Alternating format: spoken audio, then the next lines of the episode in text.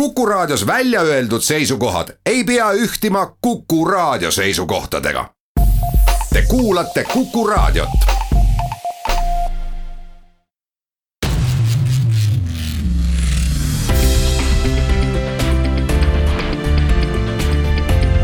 teel olümpiale. tere hommikust, head kuulajad nelikümmend kolm päeva jääb kahekümne kolmandate taliolümpiamängude avamiseni Lõuna-Korea kuurortis PyeongChangis. me oleme teel olümpiale saadetes palju võtnud kõnelda meie sportlastest, nende seisundist ja tervikuna meie olümpialiikumise hetkeolukorrast. aga me ei ole kordagi võtnud kõnelda PyeongChangist, sellest paigast, laiemalt Korea poolsaarest ja laiemalt siis Aasiast, kuhu mängud on taas kord siis sattunud aga seekord täidame selle tühimiku ja täidame ta tõhusalt, meil on hea meel stuudios võõrustada Erki Loigamit, head Korea tundjat, tere Erki. tere sport, sa oled rahu, ütles kunagi Pierre de Coubertin. Lõuna-Koreas on need mängud tulemas teist korda, samal ajal kui me räägime Korea poolsaares olukorrast ja noh, seal valitsevatest pingetest ja rahust me küll väga kõnelda ei saa. vähemasti retoorilisel tasemel pole rahu kuskilt maa pealt võtta ja kardetavasti ka mängude ajal me ei saa üle ega ümber mitmesugustest pingetest, torgetest, ehkki võiks noh, ilmselt mõningase sellise ajutise või kuni mängude lõpuni leevendus kindlasti tuleb, sest juba on lubatud ära jätta Lõuna-Korea poolt kaks suurt olulist sõjaväeõppust. samuti on Põhja-Korea võimud teatanud, et nad kuidagi neid mänge ei sega, et sellel ajal on kindlasti tagatud rahu. aga noh, olgem ausad, et nii head võimalust põhja pool mingisugust provokatsiooni nagu raisku lasta või aega raisku lasta, ei usu, et neid stsenaariumid on muidugi erinevad, mis siin on pakutud, et võib-olla me täna räägime ka neist, aga. aga noh, kindlasti nad midagi kasutavad, et kasvõi retoorilisel tasemel, kui tegudeni jõuta. Need peaks olema viiendad mängud, mis jõuavad Aasiasse ja need on äh, teised mängud, mis jõuavad Lõuna-Korea pinnale esimesed mängud tuhat üheksasada kaheksakümmend kaheksa olid äärmiselt märgilise tähendusega mõlema Korea jaoks, kogu Korea poolsaare jaoks. üks riik tuli diktatuurist, teine aina vajus üha sügavamasse diktatuuri, üks riik hakkas majanduslikku õitsengut endale eh, saama ja paljuski olid ka need mängude teened, et mängud mm -hmm. tõid selle Korea avas äh,, nii-öelda avanesid ja, ja teise puhul hakkas siis asi kõik sohu kiskuma et eh, aasta tuhat üheksasada kaheksakümmend kaheksa Seoul ja olümpiamängude tähtsus oli vist hästi oluline mõlemale poolele. oli kindlasti, see olid jah, sa ütlesid väga õigesti, et see oli nagu avanemise mängud, et nende jaoks oli. kui seitsmekümne üheksandal aastal see ettepanek sisuliselt eh, või kandideerida Lõuna-Koreale tehti, siis tolleaegne diktaator võttis sellest kohe hoobilt kinni, nähes seda võimalust ja sellele rakendati kogu ressurss siis nii peaminister ÜRO kanalites kui lõpuks sinnamaani välja, et Korean Airlinesi stjuardessid pidid eh, lennukites reisijatele seda ajupesu nii-öelda tegema. ja sinna pandi tõeliselt suured ressursid alla. ja kaheksakümne seitsmendat aastat loetaksegi eh, aastaks, kus siis Lõuna-Korea muutus nagu demokraatiaks. kuigi võimule tuli endine, endise eh, eelmise riigipöörde seltskonnaga seotud tihedalt olev kindral Roo mis tekitas eh, üliõpilastes suuri rahutusi ja Johann Antonio Samarants veel kaheksakümne seitsmendal aastal andis eh, Lõuna-Korea valitsusele sisuliselt ultimaatumi, et kui need rahutused ei lõpe ebastabiilselt, siis need olümpiamängud jäävad seal lihtsalt ära. No taust sellele on see, et kaheksakümnendal aastal osales seesama presidendiks valitud inimene siis üliõpilaste väga verises või üliõpilaste meeleavalduste väga verises mahasurumises, mida Guangzhou veresaunana tuntakse, kus hukkus ligi sada inimest ja seetõttu tekitas jälle mulje, et järjekordne diktaator tõenäoliselt sõjaväest on võimule tulemas.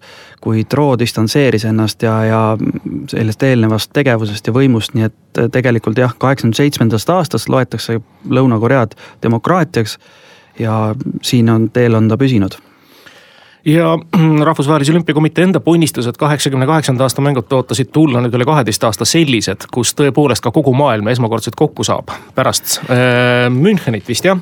et teame, et suur osa Aafrika riike boikoteeris Montreali, suur osa läänemaailma kaheksakümmend Moskvat ja -hmm. suur osa idablokist siis vastukaaluks kaheksakümmend neli omakorda siis Los Angelest ja nüüd oli see šanss käes ja see oli Lõuna-Korea üks, üks suur eesmärk, tuua sinna kokku võimalikult palju riike ja võimalikult palju ka nii-öelda sots-, sotsialismimaade plokist. et äh, avalöök tehti pingutustega Ungariga, kellega kaheksakümne kuuendal aastal siis mingisuguste laenude vastu saadi see kinnitus, et Ungari seab sisse Lõuna-Koreaga diplomaatilised suhted esimesena, võtab sellest osa. ja sellele eeskujule järgnesid äh, väga oluliselt määral nii Nõukogude Liit, lõpuks kõik sotsialismibloki maad. välja arvatud siis Põhja-Korea, kes järjest kuulutas neid erinevaid liitunuid maid siis reeturiteks ja, ja nii edasi, et, et nemad loomulikult sellest osa ei võtnud et ähm,. no mõned fanaatilised riigid olid veel, Kuuba näiteks ei võtnud. jah, Kuuba ka ei võtnud, see Just. on õige, jah.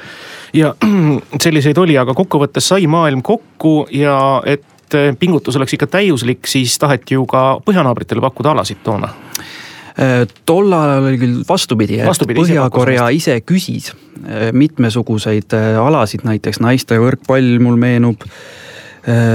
ja jalgpalli või oli see naiste ei, see oli siiski jalgpalliturniir meestele, mille tõttu hakati juba kaheksakümne seitsmendal aastal seda ilmatuma suurt üle saja tuhande mahutavat staadioni, Rungrado staadionit Pyongyangi ehitama. vist on sada viiskümmend tuhat praegu. seal on sada viiskümmend tuhat jah, et see on tõesti suur ehitis.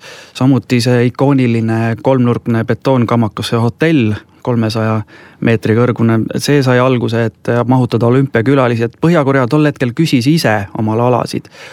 Aga nagu ikka seal kauplemisel ja tingimuste esitamisel see asi lõpuks lõppes ja, ja, ja Lõuna-Korea lihtsalt loobus sellest. täna on pilt natuke vastupidi, et tänastel olümpiamängudel Lõuna-Korea pakub Põhja-Koreale võimalust, et äh, tehke oma, tehke mäesuusaprogramm Põhja-Koreas. naiste hokis on mõeldud, et teeme ühiskoondise ja sedasi, aga Põhja-Korea ei ole selle vedu võtnud, esitades järjekordselt tingimusi, kuigi ROK-iga peetakse väga tihedaid läbirääkimisi, et see asi ikkagi nii kuhugi maale jõuaks. aga täna vist lõpeb asi sellega, et Põhja-Korea järjekordselt boikoteerib isegi sportlaste tasemel seda üritust. millest oleks ütlemata kahju, sest et ega Põhja-Koreal oleks ju šanssi küll, neil on tublid iluuisutajad, nad on ennast näidanud kiiruisutamise tasemel, olümpiamedalitki sel alal võitnud ja no ma usun, et spordidistsipliin käib sellise sotsialistliku, olgugi et seda nimetatakse stalinistliku, aga seesugune asi on, peaks olema nagu au sees ideoloogiat arvestades. Äh, lõun-, vaadates äh, suveolümpiamänge, siis on absoluutselt, et sealt on võidnud lugematu arv medaleid, kuld kõiki karva. ja, ja noh, arvestades seda klimaatilist poolt, siis tegelikult on jah, neil mõned alad, eriti uisualad on olnud tugevad äh, ka talialadel. ja, ja tegelikult täna on üks iluuisupaar on saavutanud täiesti, ongi ületanud kvalifikatsiooninormid ja võiks seal võistelda aga kui nüüd siin nagu vandenõud või tonti tahta näha, võib-olla kui nad osaleksid nendel mängudel, võib-olla siis kaob neil võimalus neid provokatsioone nii vabalt luua, kui nad selle ise nagu osa võtavad, on aktsepteerinud seda, ei tea. Kui me nüüd võtame kõneleda, ei saa kuidagi üle ega ümber, kas see saja viiekümne tuhandene staadion, ma ei saa seda küsimata jätta, on see nüüd jätkuvalt eh, praegu populaarseim hukkamise paik Koreas? ei ole, et äh, avalikud hukkamised on ikkagi pildilt kadunud kümmekond aastat julgelt juba, et äh, ja sealt on ka pärit ju tegelikult ainult üks suur teada lugu, mis on natukegi faktoloogiat taga, et kahe tuhande üheksandal aastal hukati seal rahareformis süüdistatud rahandusminister ja seda, seda ma võin kinnitada, et seda rääkisid minule ka giidid Pyongyangis, et nad, selline üritus toimus, et aga rohkem ei ole kuulnud. aga suuremas osas on tegemist ikkagi sellise propagandastaadioniga, kus üleriiklikke võimlemisvõistlusi tehakse, need hästi mm -hmm. kuulsad kujutised, kus siis tõepoolest tuhandeid tantsijaid viiakse keskele ja. jah, selle jaoks on ta jäänud spordi tegemiseks, neil ei jätku publikutki sellise staadioni täitmiseks ja põhilised spordiüritused toimuvad hoopis väiksemal Kim Il-sungi nimelisel vanal staadionil me teeme siinkohal jutuajamise väikese pausi ja pärast reklaami jätkame vestlusi Erkki Loigamiga.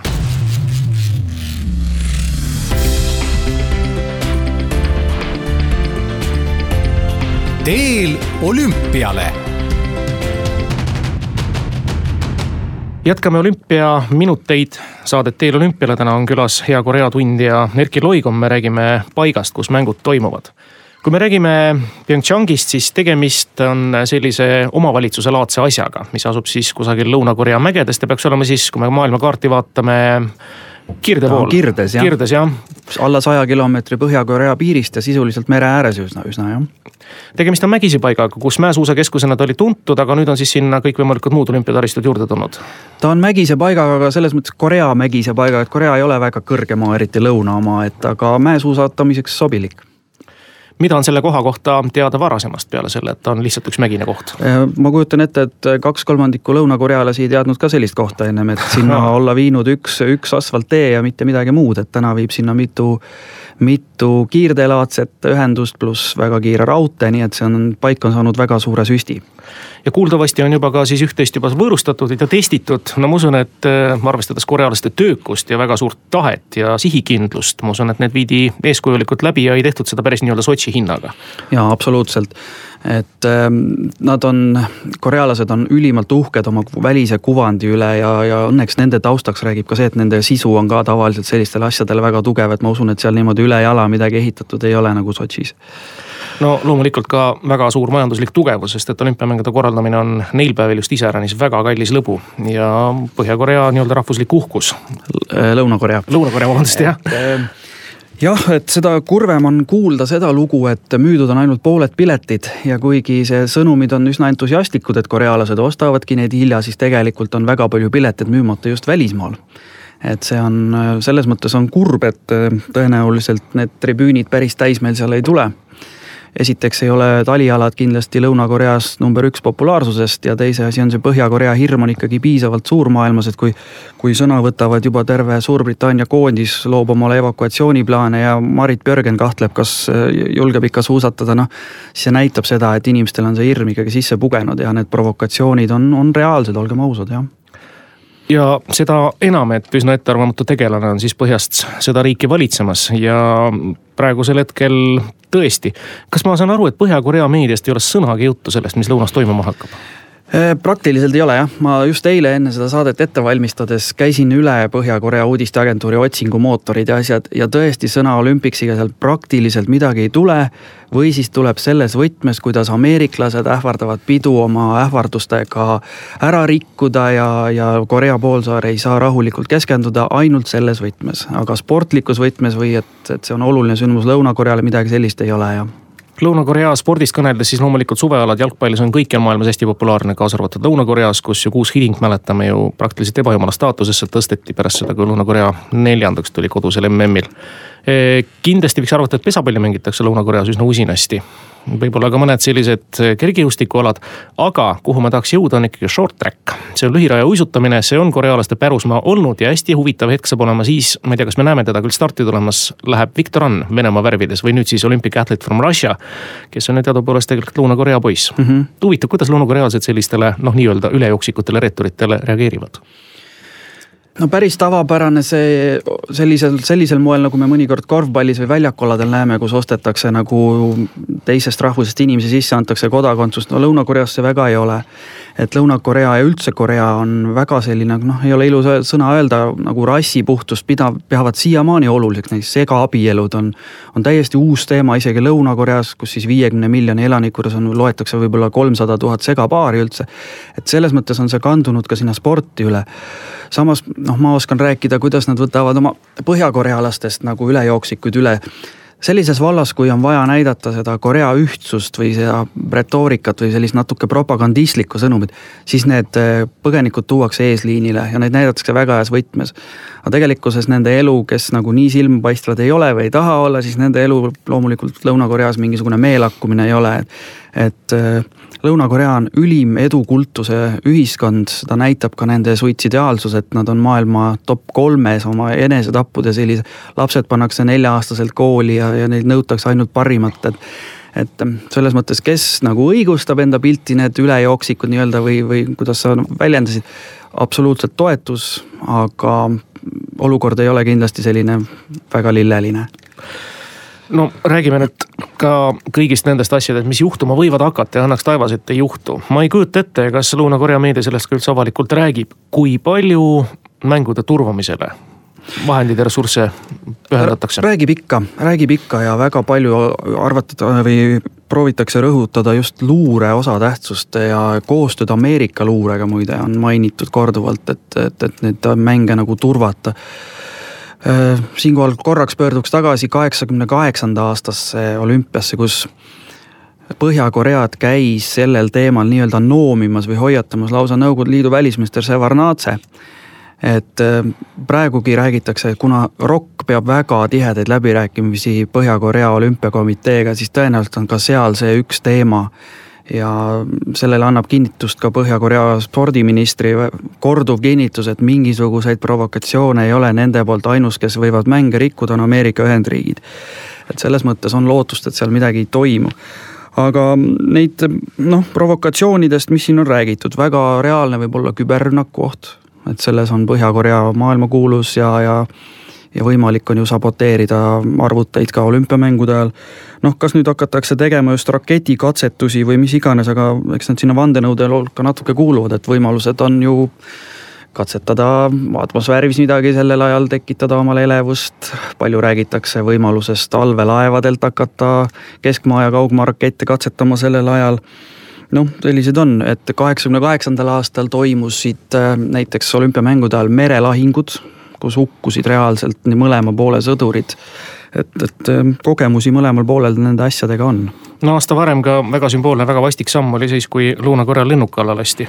kas see ei olnud mitte Nõukogude Liidu teema? ei, need on kaks eraldi kaks juhtumit, et jah. Nõukogude Liidu oma oli aastaid, mõned aastad varem mm, -hmm. kui ta mhm. sattus, sattus Nõukogude Liidu õhuruumi ja alla lasti Nõukogude Liidu poolt, aga see konkreetne üritus oli siis jah, kaheksakümne seitsmendal aastal, kui kas see oli Bahreinist lennanud lennuk Souli saja viieteist inimesega pardal lasti, lasti alla ja see väidetav käsk tuli Kim Jong-ililt endalt. sellepärast, et üks terroristidest, kes selle paigaldas, selle pommi sinna lennukisse jäi elama. ebaõnnestus oma suitsiidikatsel kinnivõtmisel ja on pärast nagu olnud üliväärtuslik tunnistaja selle terroriakti tunnistamiseks või seletamiseks. et see oli selgelt proovida saboteerida, tekitada ebaturvalisust, et Lõuna-Korea ei suuda mänge turvaliselt läbi viia ja, ja aga nad ei õnnestunud selles kokkuvõttes, kui need äh, mängud käima lähevad, meie televaatajad näevad neid suurem jagu peaasjalikult varahommikuti ja ennelõunasel ajal. kui sina televiisori avad, mida sa kõige enam vast sealt äh, näha tahad ja, ja millele sa kõige rohkem soovitaksid tähelepanu pöörata kõigile neile, kellel ka nii-öelda spordi kõrvast vaatamist on?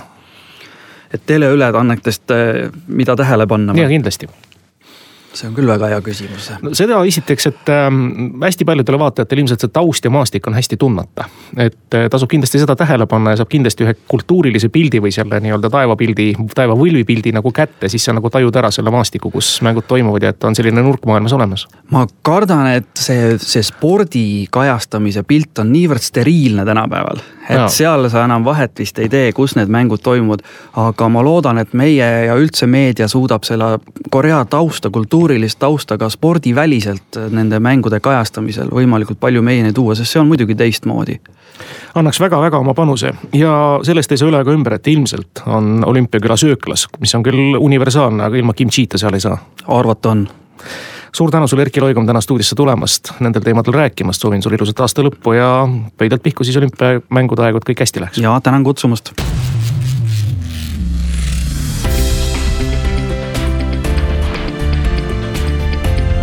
teel olümpiale